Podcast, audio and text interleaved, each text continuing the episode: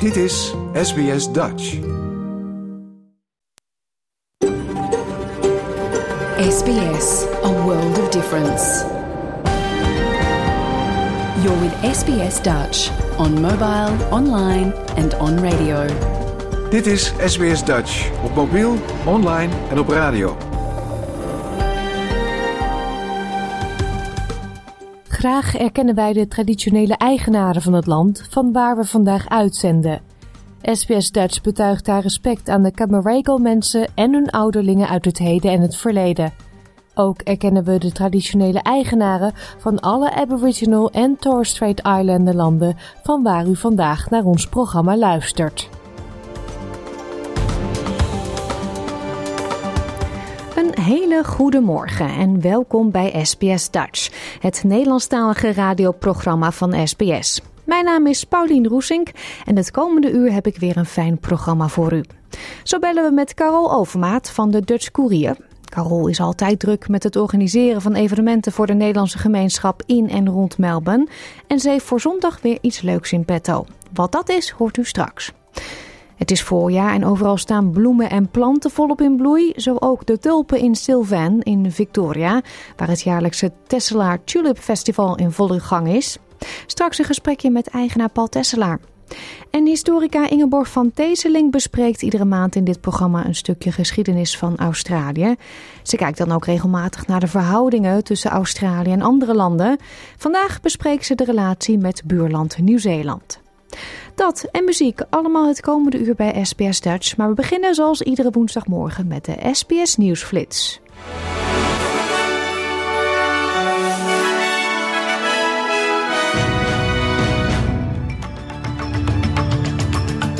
Dit is de SBS Nieuwsflits van woensdag 27 september. Mijn naam is Paulien Roesink. De Victoriaanse vicepremier Jacinta Allen wordt getipt als de meest waarschijnlijke kandidaat om Daniel Andrews op te volgen. Andrews kondigde gisteren zijn aftreden aan als premier. Mevrouw Allen is tot nu toe de enige kandidaat. Vanmiddag om 12 uur kiest de caucus van Labour de opvolger van Andrews. Een rechter in New York heeft geoordeeld dat de voormalige Amerikaanse president Donald Trump banken en verzekeraars heeft opgelicht toen hij zijn vastgoedimperium opbouwde. De uitspraak onderbouwt een belangrijke claim van de New Yorkse procureur-generaal Letitia James in haar civiele rechtszaak tegen de voormalige president. Hierin wordt hij beschuldigd van het illegaal opdrijven van zijn activa en vermogen.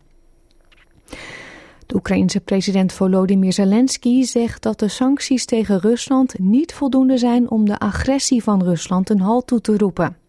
Hij kondigde nieuwe Oekraïense acties aan tegen wat hij de terroristische staat noemt. Hij zegt dat zolang de Russische agressie tegen zijn land voortduurt, er verdere consequenties zouden moeten volgen. Een rechtbank in Moskou heeft een gevangenisstraf van 19 jaar bekrachtigd tegen de Russische oppositieleider Alexei Navalny. Hij werd tijdens een hoorzitting in augustus schuldig bevonden aan extremisme.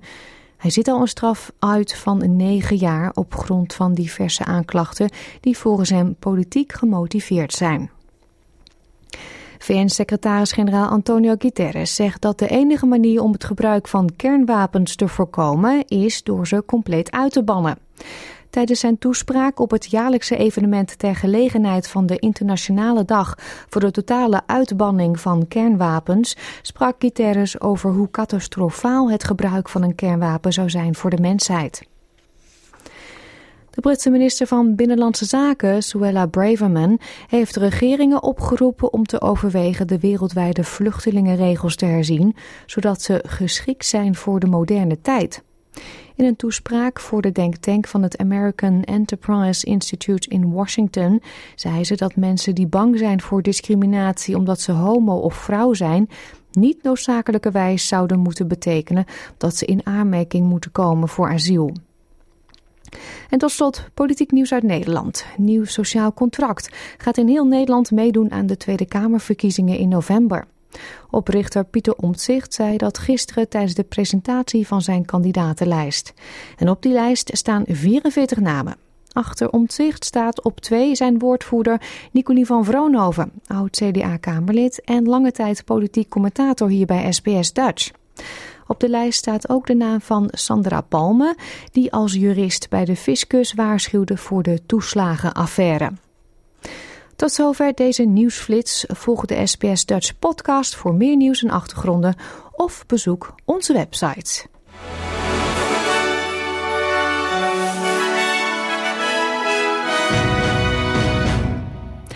Ja, u hoorde dat zojuist al in de nieuwsflits. Premier Daniel Andrews van Victoria heeft zijn aftreden aangekondigd. Hij was met negen jaar de langzittende premier van de staat en was een hele belangrijke speler in zowel de staats- als de nationale politiek. Dit is SBS Dutch. Na bijna tien jaar heeft de premier van Victoria, Daniel Andrews, voor de laatste keer het podium betreden.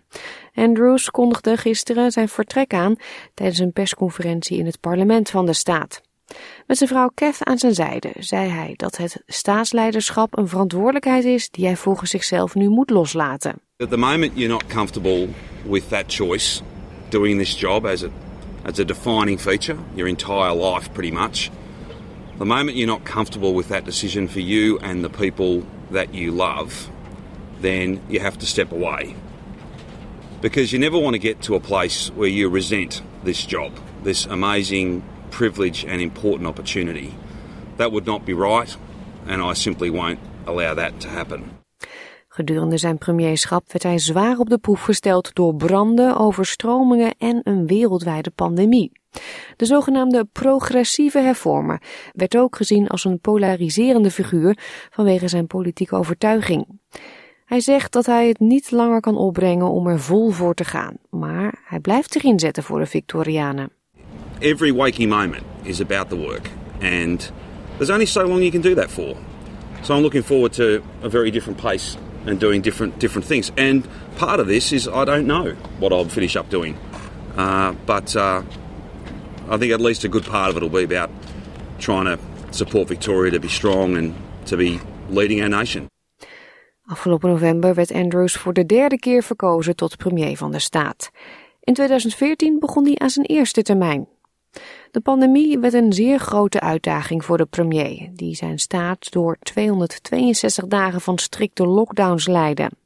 De leider wordt door velen, waaronder premier Anthony Albanese, erkend als een nationale politieke kracht.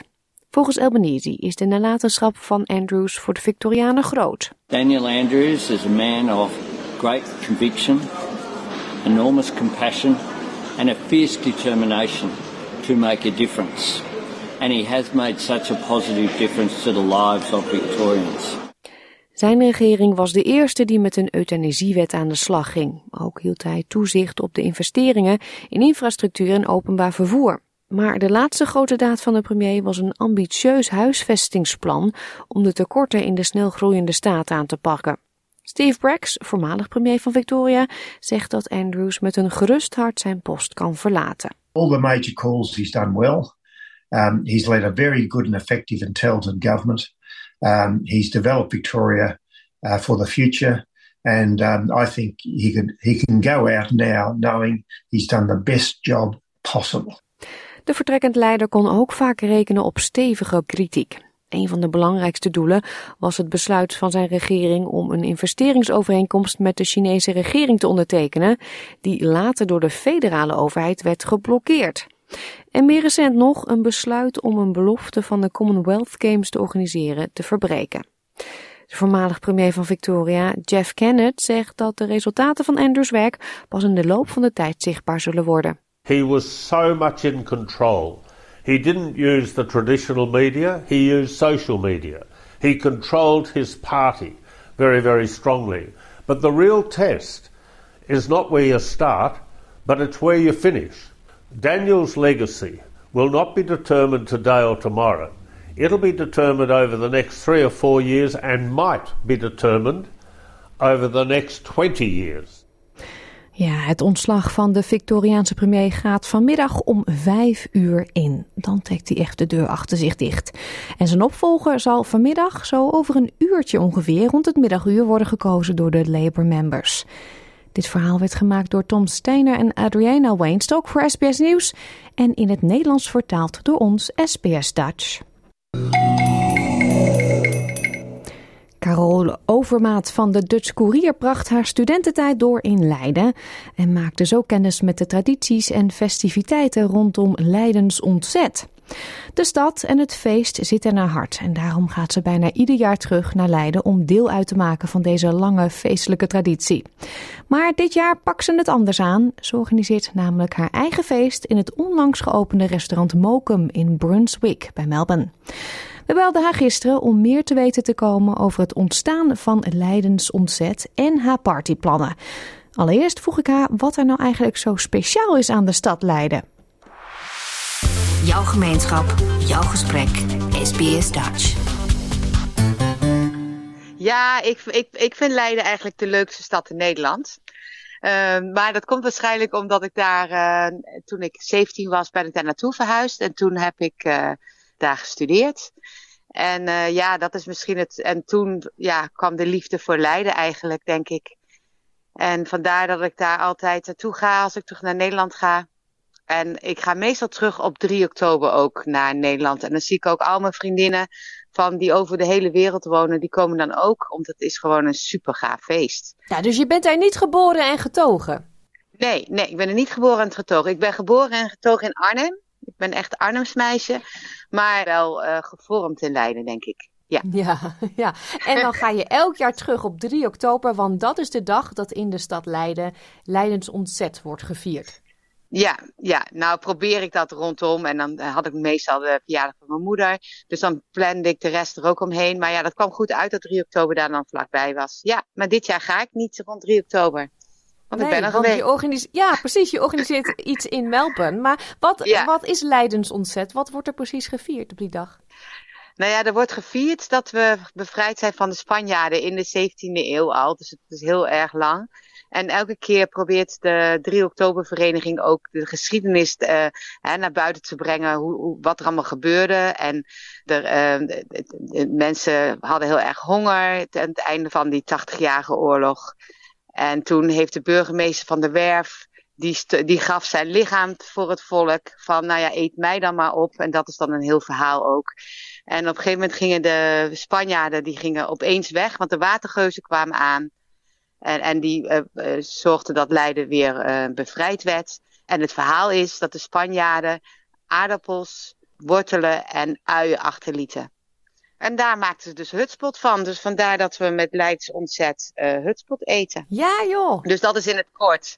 Ja. Wat leuk. En wordt het dan echt gevierd met muziek en bandjes? Of is het, gaat het om het eten dan in Leiden? Nee, het is echt een uh, straatfeest. En het, het, je zegt wel 3 oktober, maar eigenlijk is het de avond ervoor, 2 oktober en 1 oktober, 2 oktober en 3 oktober. Dus een en al feest. Het is echt een soort van Koningsdag. Er gebeurt van alles. Er is trouwens geen uh, verkoop van spullen van, uh, van kinderen, dat niet. Maar er is een hele grote kermis waar iedereen voor het hele jaar verspaart. Dus echt een volksfeest. En ik, en ik ben echt gek van volksfeesten. Hmm. Dat verbindt en dat maakt community. En inderdaad, dat, uh, dat eten is wel belangrijk, omdat natuurlijk in de geschiedenis, uh, dat, is een eikpunt. Um, er wordt gratis uh, in Leiden haring en wittebrood uitgedeeld. Daar moet je je voor opgeven. En dan staan er echt duizenden mensen in de rij, s ochtends vroeg, om haring en wittebrood te eten. Dus het is onvoorstelbaar. Het is echt gewoon niet normaal. En dan ook voor de hutspots. Dus je staat echt voor, ook voor, daar kan je ook voor opgeven, maar dat kost geld ja, en dan krijg je echt zo'n flap op je, op je bord. En dan eet je met z'n allen aan houten tafels, eet je hutspot. Wat een prachtige en traditie. Bandjes, muziek en dingen. Ja, dat is een super traditie. Dus elke keer weer. En ik, ik organiseerde zelf ook uh, het straattheater uh, in Leiden voordat de optocht dan uh, kwam. Dus als mensen uit Leiden komen en zagen het straattheater, dat hielp ik aan mee. Jarenlang ook. Vandaar dat ik ook wel echt een superbinding mee heb. op een gegeven moment ben ik dat gestopt, want ik miste het feestvieren. Ja, ja, ja. Want ik denk, ja, ik, moet ik daar om 7 uur op 3 oktober uh, al die mensen ontvangen voor het straattheater? Ja, dan kan ik de avond ervoor dus niet feesten. Terwijl dat natuurlijk superleuk was, de 2 oktober feesten. Dus toen ben ik gestopt. Ik zei, ja, sorry, ik vind feesten leuk. Ik, ik stop met straattheater. Ja, en ja. toen heeft iemand anders het overgenomen. Ja. En dit hmm. jaar kan jij dus niet naar Nederland. Of in ieder geval, je gaat niet. Nee. Dus jij dacht, dan haal ik, ik ga... Leiden naar Melbourne toe. Ja, ja. En toen dacht ik, nou weet je, ik heb het wel vaker gedaan. Tijdens uh, de, uh, paar keer tijdens de, tijdens de lockdown heb ik het online gedaan. En dat, ja, toen kon natuurlijk iedereen vanuit heel Australië intunen. En toen werd de hele tijd la la la Leiden ingestart. Van la la la Leiden, la la la Leiden. En elke keer weer, als de discussie naar een andere kant ging, ging dat er weer in. Toen hebben we wat drie uur ook, of vier uur leid online. En ik heb het een keer ook uh, met de borrel, met de Dutch borrel, wat ik hier ook doe, um, georganiseerd. Uh, met de groep die dan altijd naar de borrel kwam. Toen dacht ik, joh, ik ga het weer doen. Want het, het was gewoon leuk, gezellig. Hier is het natuurlijk vooral om het eten.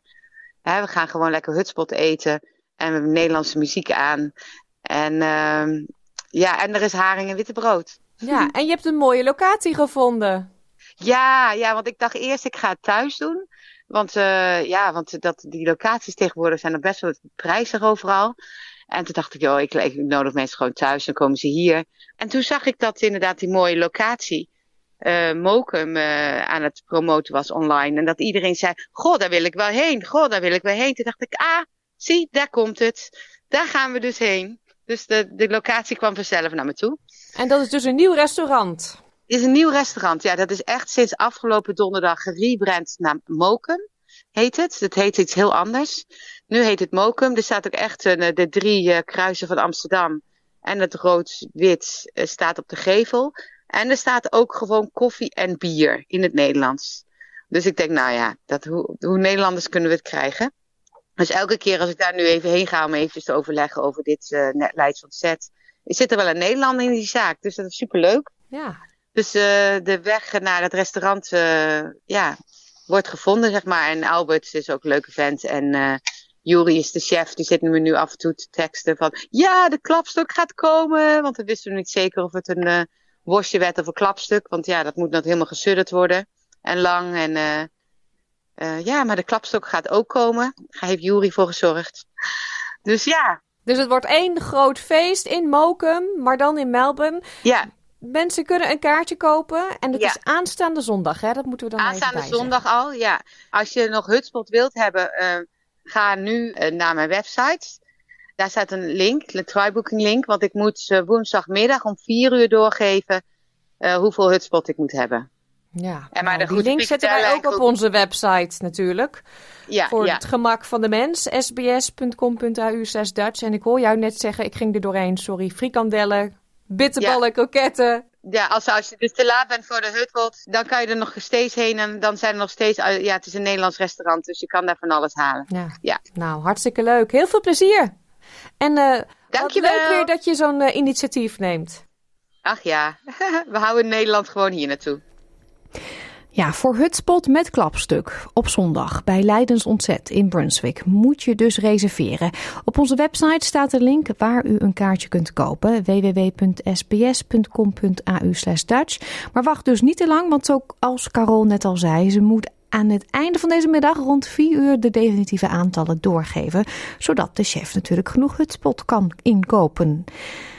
Carol die zong ook al een stukje van het liedje La La La Leiden. Dat is een nummer geschreven door een van de meest bekende Leidenaren van het moment, cabaretier Jochem Meijer.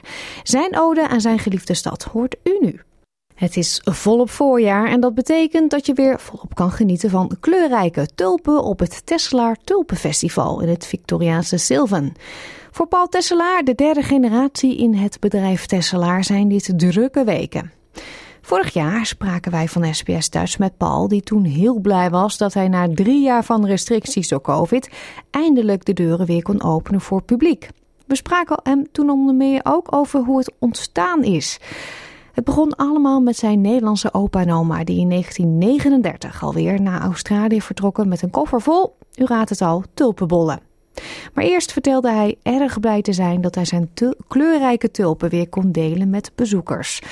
Nogmaals, dit is dus een stukje uit een interview van vorig jaar. SBS Dutch, woensdag en zaterdag om 11 uur ochtends of online op elk gewenst tijdstip.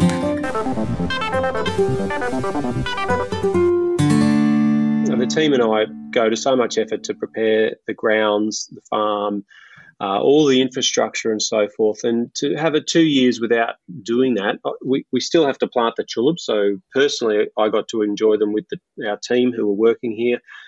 Um, but it was such a shame to see such a beautiful field of colour and not have anyone else about to share it with. Um, so to now be open uh, and seeing the smiles on everyone's face as they come through the door, because you can just tell that they're really enjoying the ability to get out up, up into the hills and into the fresh air that Sylvan offers and all the nature that surrounds our farm.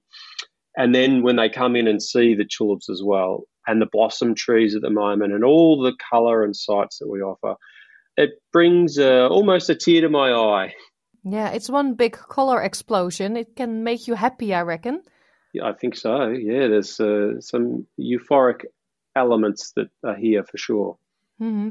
How big is the festival? How long is the walk if you want to walk through the tulips? Yeah, so the grounds itself, so the area that uh, when you come through the gates that you can wander around, is around 15 to 20 acres. So part of that is made up of flower fields, which you can uh, get up close and personal with the tulips. So there's we've got nearly a million tulips planted out there in these beautiful straight rows of all the colours in the rainbow. Um, so there's that must be about or half of the property, I suppose, so seven to ten acres of grounds and fields, and then the other half is sort of like a, set up as a garden. So that's where we have one of the food courts where there's our giant Dutch castle stage, which is uh, has all of our live bands, and that area has uh, five to ten food vendors, food trucks, with all different types of foods available. So by the time you walk through the gates, you might go and grab a cup of coffee and then go for a wander around the garden area. You might then stop and have something to eat, sit down, watch one of the bands, and then you might venture on down into the flower fields and take your time to take in all the sights and the smells and the colours that the fields of tulips offer. And then there's another food court down there, so you might grab something else to eat. So by the time you do all that and then you wander back out to the car, you'd be here for uh, at least three hours. Um, mm. And then if you were to come with family and friends, you might want to bring a picnic in and find a spot under the trees out in the sunshine uh, or out in the open expanse of grass fields and sit down and, and let the kids run around and they'll come and go and you sit down and have a glass of wine with your friends. Mm-hmm. You know, you make a day of it. But all the information and the full schedule of what we're doing, uh, your listeners can find at tulipfestival.com.au. And that's useful to, to look up because there are different things happening on different days. So if you're coming to experience more than just the tulips, then it would be a good idea to look up on the entertainment section to see what's happening on the particular day and, and choose one that suits you. So we have just celebrated the, with the Turkish weekend, or we opened the festival with the Turkish weekend. Uh, and then, as you said, we've got the Dutch weekend. And then we go on to the school holiday program. So the weekdays have children's entertainment. And then we have a food, wine, and jazz weekend. And then at the end of the school holidays, we have Rock the Fields weekend. And then we have an Irish weekend to uh, finish off, to round us off for the season. So there's a lot to get through. There's a lot of entertainment. So, as I said, if there's something particular you're interested in, then I recommend people get onto the website and have a look. Yeah. How did this festival start? Because Tesselaar, it sounds really Dutch. The tulips, it will remind people to the Netherlands. Yes, of um, course. Your grandparents are from the Netherlands, right? Yeah. So Olma and Olpa emigrated from the Netherlands in 1939. Uh, Olpa could see that there was a bit of unrest around Europe. There was depression, uh, not much work. He was working on his dad's farm during the day and he had a little a nighttime cheese or and or dairy and eggs run that he would go around to houses selling his wares. And he then also read a story about two written by two Dutch ladies that would travel the world, writing about the different countries that they visited. And they travelled to Australia, and then they wrote a glowing report about it being a, a place or a land of opportunity for those that wanted to work hard there was plenty of opportunity. So he sort of put all of those things into the mix and decided, well, he needed to, you know, his future was abroad uh, and away from Europe and the unsettledness in Europe. So, so he went and asked his girlfriend if she would marry him, and then uh, I'm not sure if he told her about the Australia plans at the time or not, but um, she did agree to marry him, and then they they got married and and set off for Australia on their wedding day essentially, on the last boat to leave Europe Yeah. before the outbreak of the war. The start of a new life. Yeah, start of a new life. So uh, they had some dreams and a suitcase full of bulbs, and they travelled to various ports in Australia and eventually landed in Melbourne because they were told that that was the most suitable climate for growing bulbs because of obviously the cooler temperature Mhm. uh, compared to Sydney. Someone at immigration heard that they were looking for some property, so they brought them out to a farm they knew in Sylvan and to show them the property, and they fell in love with it straight away. The only problem was it was 45 kilometres from Melbourne, and you can imagine in 1939 the roads that far out of uh, the city would have been, you know, dirt tracks, and to travel 45 kilometres in Europe, you'd be in another country. So, um, for them, it was quite an unusual distance. So they decided it wasn't suitable for them, and and, and the one piece of advice my great grandfather gave Olpa was that you should stick close to the market because that's you know that's where you're going to be selling the product. So they they settled in Ferntree Gully, which is on the other side of Mount Dandenong, and about uh, 30 kilometres out of Melbourne, and that's where the train line went to as well. So he could get his you know flowers and uh, whatnot into Melbourne quite easily.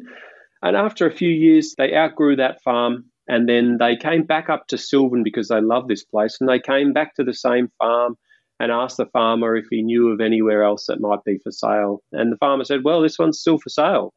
So they bought that. And uh, so we've been in Sylvan since 1945. And that's, and when people come and visit the festival, that's the same farm that we've been on. So Wow. farmed by my olpa and my, my uncles and my father and all of my aunts, and now farmed by the third generation, myself and, and our team. Mhm. Yeah, the festival started almost like an accident, right? Yeah, that's right. It was in, indeed an accident because uh, they were farming here in Sylvan, which is a there's one main road that goes through Sylvan, and uh, their property was located on that. So they were growing their tulips in the front fields, and, and by the early 50s, more and more people were buying cars and, and going for day trips up in the Dandenong Ranges. And if they happened to drive past our farm in spring, they would see this field of bright coloured flowers. And whilst uh, we weren't the first to import bulbs to Australia, um, many people still weren't aware what tulips were. So they were quite an unusual spectacle. So loads and loads of people were jumping the fence to get a closer look at what the flowers were. And uh, the crowds were so big that by 1954, my grandparents decided that, look, enough is enough. I'm, I'm, we're tired of trying to get these people out of the field. They've decided to open the gates and let everyone in. And entry was by way of a donation, uh, which my grandparents passed on to the Red Cross or donated to the Red Cross. So um, that's how it started by accident. And then from there, we added facilities all through the ages. Um, and we essentially turned it from being the Tulip Farm in to being known as the Tulip Farm to being now known as the Tulip Festival because we've got, as we said before, the live entertainment every day and so many activities happening every single day and um, and so much infrastructure that it's it's really absolutely changed, Mhm. absolutely changed, and uh, yes, so quite a long time. Yeah, and those tulips that are growing there, they are there especially for just people to look at them and enjoy them, right? Yes, that's exactly right. Yeah, once upon a time we would pick the flowers and sell them in the wholesale flower market. Nowadays we don't pick any one of them and we leave the 900,000 bulbs that we've got out there flowering, we leave them for the, the spectacle that they create for people to visit and enjoy. And, and it really is. I've been doing this festival since uh, before I could walk.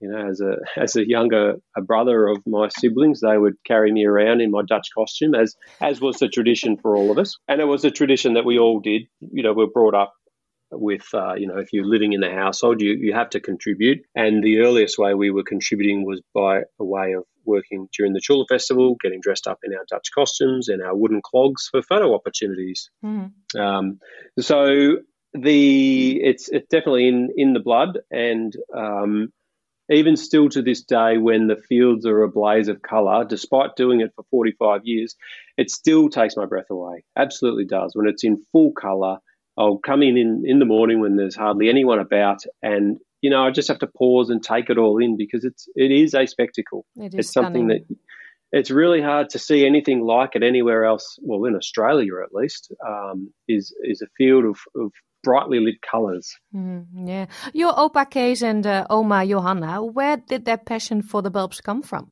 Wow, they well they were born into the trade as well. Um, uh, my opa he worked on his father's flower farm, so he was born into it, where he was you know picking flowers and growing bulbs and buying and selling.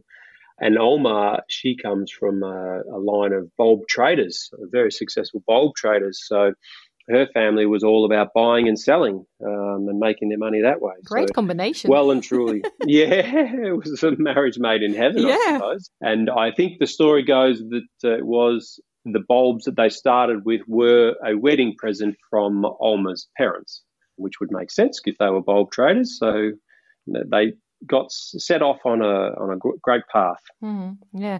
You already said you're the third generation. Is the fourth generation ready? Getting ready? Getting ready.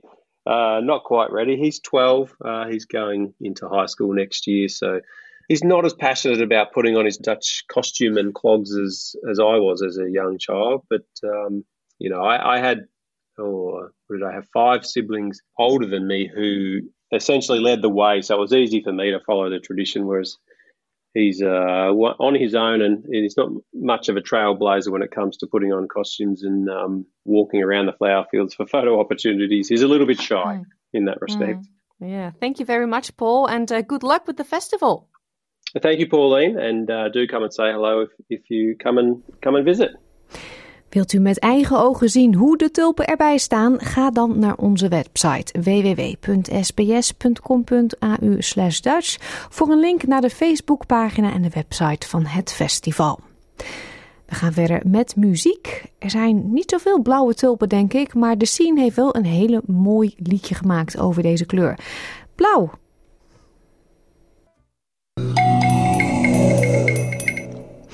Ingeborg van Teeseling is een kenner op het gebied van de Australische geschiedenis. Iedere maand praten de historica ons bij over belangrijke, opvallende en soms ook nare thema's uit de historie van de Land Down Under. Dit keer is het onderwerp van gesprek de relatie met buurland Nieuw-Zeeland. En daarvoor gaat ze terug naar de 19e eeuw. Dit is SBS Radio Dutch. Ja, over een paar weken gaan ze in Nieuw-Zeeland naar de stembus. We zijn al een tijdje bezig met eh, landen onder de loep nemen en kijken naar hun relatie met Australië. Ingeborg, ik neem aan dat eh, die verkiezing de aanleiding is voor vandaag Nieuw-Zeeland. Ja, nou ja, dat is er ook maar een beetje bijgehaald natuurlijk. Ik wilde het graag een keer over Nieuw-Zeeland hebben. Gedeeltelijk natuurlijk over de relatie tussen Nieuw-Zeeland en Australië. Maar kijk, eigenlijk begon het verhaal van Nieuw-Zeeland natuurlijk met de Nederlanders. Het witte verhaal dan. Nieuw-Zeeland was waarschijnlijk de laatste grote landmassa in de wereld die door mensen werd ingenomen. Dat was door de Polynesische Maori, die zo tussen 1280 en 1350, denken ze nu, van de eilanden hun thuis maakten. En de eerste Europeaan was Abel Tasman, onze Abel Tasman, die al een tijdje in de regio op ontdekkingsreis was. Hij noemde de plek eerst Statenland, omdat hij dacht dat hij in Zuid-Amerika was en een collega van hem daar iets had ontdekt dat zo heette. Maar later werd uitgevonden dat het echt iets nieuws was wat hij gezien had. En werd het land door Nederlandse cartografen Nova Zeelandia genoemd. Dat werd vervolgens Nieuw-Zeeland. Hoewel ze het natuurlijk nu vaak Aotearoa noemen of een soort combinatie van de twee. Maar goed, Abel Tasman dus. Op 13 december 1642 kwam zijn schip, de Heemskerk, binnen in een haventje in de buurt van Nelson, op het noordelijkste puntje van het Zuideiland. En de plaatselijke Maori, de Ngati Tumatakokiri, als ik dat goed zeg, stuurde twee wakka, dus twee roeiboten naar het schip.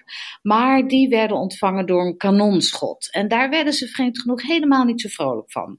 Dus de volgende dag kwamen ze terug met veel boten en veel mensen en vielen ze Tasman en zijn mensen aan. Vier bemanningsleden en één Maori kwamen om. En onmiddellijk lichtte hij het, uh, het anker en maakte dat hij wegkwam. En dat was heel effectief, want daardoor kregen de Maori de reputatie dat ze niet voor de poes waren. En als gevolg daarvan duurde het meer dan 100 jaar voordat de volgende Europeaan langskwam, James Cook in 1769. Vervolgens werd Nieuw-Zeeland officieel onderdeel van de Australische kolonie van New South Wales. Er kwamen wat walvisvaarders langs en de eerste Europeanen die zich settelden. En dat moest natuurlijk een keer uit de hand lopen. En dat deed het ook. Ja, en deed dat dat op hetzelfde manier zoals dat in Australië ging, met Europeanen die het land uh, innamen van de eerste bewoners? Nou ja, een beetje anders, maar niet heel veel anders. Kijk, in de loop der jaren en met een soort schuine blik naar Australië was het de bedoeling geworden dat Nieuw-Zeeland een soort Better Britain noemden ze dat zou worden. Een plek waar je geen gevangenen had een, en betere oorspronkelijke bewoners. Uh, dat klinkt natuurlijk afgrijzelijk als, als, ik dat zo zeg, maar dat was het, uh, zo zeiden ze dat in die tijd. De Maori woonden in dorpen, die waren krijgslieden en dwongen respect af. En ook al omdat ze in de meerderheid waren in een klein land. Het idee was dat er uh, missionarissen zouden komen die de Maori zouden veranderen in nuttige arbeiders voor de Europeanen, terwijl de eerste bewoners van Australië zouden uitsterven. Het principe dat in Nieuw-Zeeland gevolgd werd heet de Wakefield Theory. Edward Wakefield was een uh, Engelse politicus die geloofde dat kolonisatie meer inhoud zou moeten hebben dan alleen gevangenen afvoeren naar een ver land. Hij wilde dat een nieuw land gelijk goede bewoners zou krijgen. En om dat te bewerkstelligen bedacht hij het idee van de sufficient price land zou gekocht moeten worden, niet gestolen dus, zoals in Australië, en ook nog tegen een prijs die hoog genoeg zou zijn om het gaais buiten de deur te houden. Wat Nieuw-Zeeland wilde, was het tegenovergestelde van New South Wales, waar ze officieel dus onderdeel van was. Dus geen uh, Sodom en Gomorra, maar een keurig land vol nette mensen. En dat zou dan ook weer nette vrouwen aantrekken, die dan een nette volgende generatie zouden kunnen krijgen. Ja, dat klinkt heel mooi, maar werkte dat ook zo? Nou ja, kijk, eh, de werkelijkheid is bijna altijd weer barstiger dan een idee. Om te beginnen waren er Britse soldaten die gewoon, net als hun collega's in Australië, misbruik maakten van de situatie. Ze deserteerden, trokken zich niks aan van militaire discipline, waren dronken, stalen, vochten, verkrachten Maori vrouwen.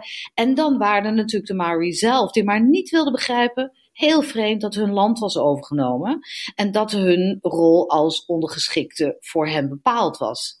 En ten derde waren er slimmerikken, vaak uit Australië trouwens, die zoveel mogelijk land tegen een zo laag mogelijke prijs kochten. En als laatste waren er allerlei zwervers en ongerichte projectielen die je in elke maatschappij hebt, hebt zeker een nieuwe. En over die tijd, begin dus zeg maar, heb ik twee interessante verhalen. Het eerste gaat over de Maori-oorlogen, waar Australië ook in vocht. En de tweede is niet zo lang geleden beschreven door historica Kristen Harmon, een Nieuw-Zeelander die in Tasmanië woont en werkt. En in een boek dat heet Cleansing the Country beschreef ze hoe de Nieuw-Zeelanders hun eigen gevangenen naar Australië stuurden om daar in het systeem opgenomen te worden. Dat was een verhaal dat ik voordien nog niet kende. Even, dat hoorde ik goed, hè? Nieuw-Zeelanders dus naar Australië. Ja. Dat moet niet gekker worden. Ja, nee, dat is grappig. Want kijk, we weten eigenlijk ontzettend weinig over onszelf. Vind je niet? Dat is, kijk, dit is wat Harmon beschreef. In 1841 werd Nieuw-Zeeland officieel een Britse kolonie. En dus werd er besloten om vanaf het begin af aan goed met die Wakefield Theory te beginnen. Intussen waren er wat mensen opgesloten in de gevangenissen die zo'n frisse start in de weg stonden. En dus tussen 1843 en 1853 ongeveer werden er 110 mannen en één vrouw op de boot naar Tasmanië gezet. Dat heette toen Van Diemensland en was de enige kolonie waarnaar transportatie nog mogelijk was. Er was ook nog niet echt een rechtssysteem in Nieuw-Zeeland. En de eerste rechter die daar aankwam, was daar helemaal niet blij mee, want hij zag het als een soort afgang om aan de andere kant van de wereld te moeten zitten. Er was ook geen gebouw, dus hij sprak recht in het café of zelfs buiten. En gevangenissen werden door een van de kranten beschreven als hondenkennels. Dus dat was ook niet echt een succes. De eerste man die verscheept werd, uh, was William Pickering, een uh, fraudeur. Hij was de eerste, maar ook een soort uitzondering, want hij was goed opgeleid. En na een tijdje in Tasmanië lukte het hem om zichzelf vrij te praten en een boot terug naar Nieuw-Zeeland te nemen. Daar kocht hij vervolgens grote stukken land en stierf als een rijk man. Maar dat gold niet voor de rest van de gevangenen. De meeste waren gewoon arme sloebers die iets gestolen hadden of iemand in elkaar hadden geslagen. Er zaten gedeserteerde soldaten tussen en ontsnapte gevangenen uit Australië. Dat soort mensen begrijp je. Ze werden veroordeeld voor uh, rondhangen of weigeren te werken voor een redelijk loon of gewoon omdat ze in de weg liepen. Allemaal werden ze dus naar Tasmanië verscheept, waar de meesten na hun straf ook bleven. Een interessant verhaal binnen dat interessante verhaal is de kwestie van de vijf Maori-leiders die in 1846 in Hobart aankwamen. Zij waren veroordeeld voor gewapend verzet tegen de autoriteit van de koningin. De Nieuw-Zeelanders hadden hen getransporteerd als een voorbeeld voor de anderen. Want de Maori waren nog steeds in opstand tegen kolonisatie en dat viel helemaal niet goed bij de witte mensen. Maar ja, je kon ze toch ook niet bij het gepeupel zetten, dachten de Tasmaniërs. Dus werden de Maori opgesloten op Maria Island, waar ze groenten verbouwden en de Bijbel moesten lezen. Na een jaar of zoiets werden ze terug naar huis gestuurd. En het is heel goed mogelijk dat ze zich daar direct weer in de Maori-oorlogen storten. Ja, dat noemde je net al. Wat, wat zijn dat precies voor oorlogen, de Maori-oorlogen? In de eerste jaren van de 19e eeuw waren er dus allerlei Europeanen in Nieuw-Zeeland aangekomen. En hoewel ze soms goede intenties hadden, waren die niet altijd nagekomen. En er was natuurlijk ook nauwelijks bestuur. In Australië was er een Britse overheid en bureaucratie, maar dat bestond eigenlijk nauwelijks in Nieuw-Zeeland. Dus kwam het al snel tot allerlei schermutselingen tussen de Europeanen en de Maori. Om daar een eind aan te maken werd in 1840 het bedrag van Waitangi getekend, door beide partijen trouwens. De Britten accepteerden dat de Maori eigenaren waren van het land en de Maori accepteerden de soevereiniteit van koningin Victoria over Nieuw-Zeeland. In de praktijk was het de bedoeling dat voortaan iedereen die land wilde dat netjes kocht en dat de Maori het daarmee eens waren. Er was wel een belangrijk verschil in de Engelse en Maori-versies van het verdrag. De Engelse versie had het over Victoria's soevereiniteit. De Maori-versie sprak over haar beheer. En dat is natuurlijk nogal iets anders. Even ging het redelijk goed, maar na een jaar of vijf begon het verdrag overal uit elkaar te vallen. De eerste keer dat het echt uit de hand liep was in 1845 bij de Bay of Islands. Veel zakenmensen uit Australië hadden land in Nieuw-Zeeland. Dus toen de Britten een leger bij elkaar raapten om tegen de Maori te vechten, kwam een redelijk grote groep Australiërs helpen. Ze werden onderdeel van het Britse leger, maar het waren dus wel degelijk Australiërs die vochten tegen de Maori. En een van de commandanten was Sir George Grey. Grey was een interessante man trouwens. Hij was geboren in Portugal, waar zijn Engelse soldatenvader aan het vechten was tegen de Fransen en de Spanjaarden. En het verhaal gaat dat het bericht dat Grey senior gesneuveld was, de bevalling voortijdig op gang bracht bij de moeder van George. In ieder geval werd George, de jonge George dus, de dag na de dood van zijn vader geboren. En hij had een spannend leven. Hij was uh, ontdekkingsreiziger in de Pilbara, waar hij strandde met een schip, bijna verdronken en door de plaatselijke Aboriginals een speer in zijn heup geworpen kreeg. En later probeerde hij het nog eens, maar toen mislukte het opnieuw. En moest hij van Calgary naar Perth lopen, toch zo'n kleine 600 kilometer. Uiteindelijk werd hij in 1841 benoemd tot gouverneur van Zuid-Australië. Daar was hij echt heel slecht in. In ieder geval voor de First Nations mensen. En daarnaast was hij voortdurend aan de opium. Maar in 1845 werd besloten dat hij het goed genoeg gedaan had om benoemd te worden tot gouverneur van Nieuw-Zeeland. En daar werd hij de eerste militaire leider in de Maori Wars. Kijk, die oorlogen gingen natuurlijk vooral over land, net als in Australië. En toen er in 1854 een eerste Nieuw-Zeelandse parlement kwam, en daarna nog meer Europeanen, werd het steeds meer een probleem. Eh, zes jaar later, in 1860, escaleerde het met de Taranaki-oorlog, waarin 18.000 Britten en Australiërs dus het opnamen tegen 4.000 Maori. Ja, wat ik dus niet helemaal snap, maar daar heb jij misschien wel een antwoord op, is waarom bemoeiden die Australiërs zich daarmee? Want het was niet hun oorlog. Nee, maar kijk, voor de Australiërs was meevechten in die oorlog heel verleidelijk, want er was ze land beloofd. Als je drie jaar in dienst kwam, mocht je aan het eind 20 hectare land uitzoeken. Voor officieren was dat zelfs 160 hectare. En dat was erg aantrekkelijk natuurlijk, want tegen deze tijd was het in Australië al tamelijk vol geworden. En er waren meer regels die het gewoon stelen van land niet makkelijk meer maakten. Dus de Maori-oorlogen waren heel populair in Australië. In 1863 1963 bijvoorbeeld namen 2400 mannen dienst. En dat was bovenop de 2000 die al aan het front stonden. Samen vormden ze een nieuw speciaal regiment, het Waikato-regiment. En daarnaast leverden Australische ook schepen. Victoria zond zelfs haar hele marine en New South Wales twee kanonneerboten. En die Australiërs waren dus de eerste Australiërs die in het buitenland dienst deden in een leger. Dat is heel bijzonder eigenlijk. Dat vindt het War Memorial trouwens niet. Deze oorlog wordt daar helemaal niet genoemd. En de mannen die sneuvelden staan ook helemaal niet op de erelijst van de Australische uh, gevallenen. Maar het was desalniettemin een echte oorlog. We stuurden paarden die speciaal in de Hawkesbury werden getraind en wapens en eten en kleren en logistieke assistentie. Er was een nieuwe wet ook, de Act to Regulate the Exportation of Warlike Stores, die moest voorkomen dat er hulp naar de Maori zou gaan. En natuurlijk werden er vaten en vaten verstuurd, heel noodzakelijk natuurlijk. De Mari hielden het trouwens nog lang vol, maar de officiële oorlog stopte in 1872. Hoewel het daarna nog wel wat uh, uit de hand liep met wat schermutselingen hier en daar. De Australiërs verloren 17 mannen aan het front en een stuk of 100 aan ziekte en ongelukken. En het was natuurlijk nog maar de eerste keer dat we samen met de Nieuw-Zeelanders vochten. Onder de naam ANZAC, dat weten we allemaal, hebben Australiërs en Nieuw-Zeelanders in beide wereldoorlogen in dezelfde loopgraven gelegen. Alleen nu begint het een beetje uiteen te lopen. De Nieuw-Zeelanders zijn al sinds 1987 kernwapenvrij, dus zullen ze weinig te maken hebben met de onderzeeërs die AUKUS nu aan het maken is.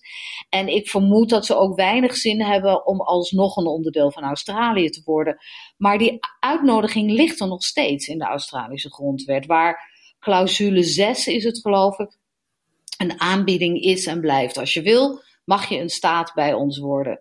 Ik denk niet dat ze daar deze verkiezingen of welke verkiezing dan ook op in zullen gaan. Maar dat hoeft natuurlijk ook niet, want we zijn zo al verbonden genoeg. Dankjewel Ingeborg. Graag gedaan. Bent u dol op geschiedenis? Op onze website www.sbs.com.au Dutch kunt u niet alleen deze uitzending terugluisteren, maar ook alle gesprekken met historica Ingeborg van Teeseling. U vindt de podcastserie Australië tot nu toe en al onze andere series trouwens op onze website onder podcastseries. Terugluisteren kan ook via de SBS Audio app. Deze is gratis te downloaden in de Apple Store en in Google Play. SBS Dutch is trouwens ook te, te vinden op Facebook. www.facebook.com sbsdutch. Hiermee zit onze uitzendtijd voor vandaag er bijna op. We hebben nog tijd voor één liedje, een klassieker van de Spelbrekers. Dit is Katinka. Een hele fijne middag en graag tot zaterdag.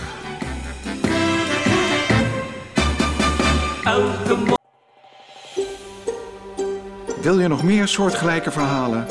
Luister via Apple Podcasts, Google Podcasts, Spotify of waar je je podcasts dan ook vandaan haalt.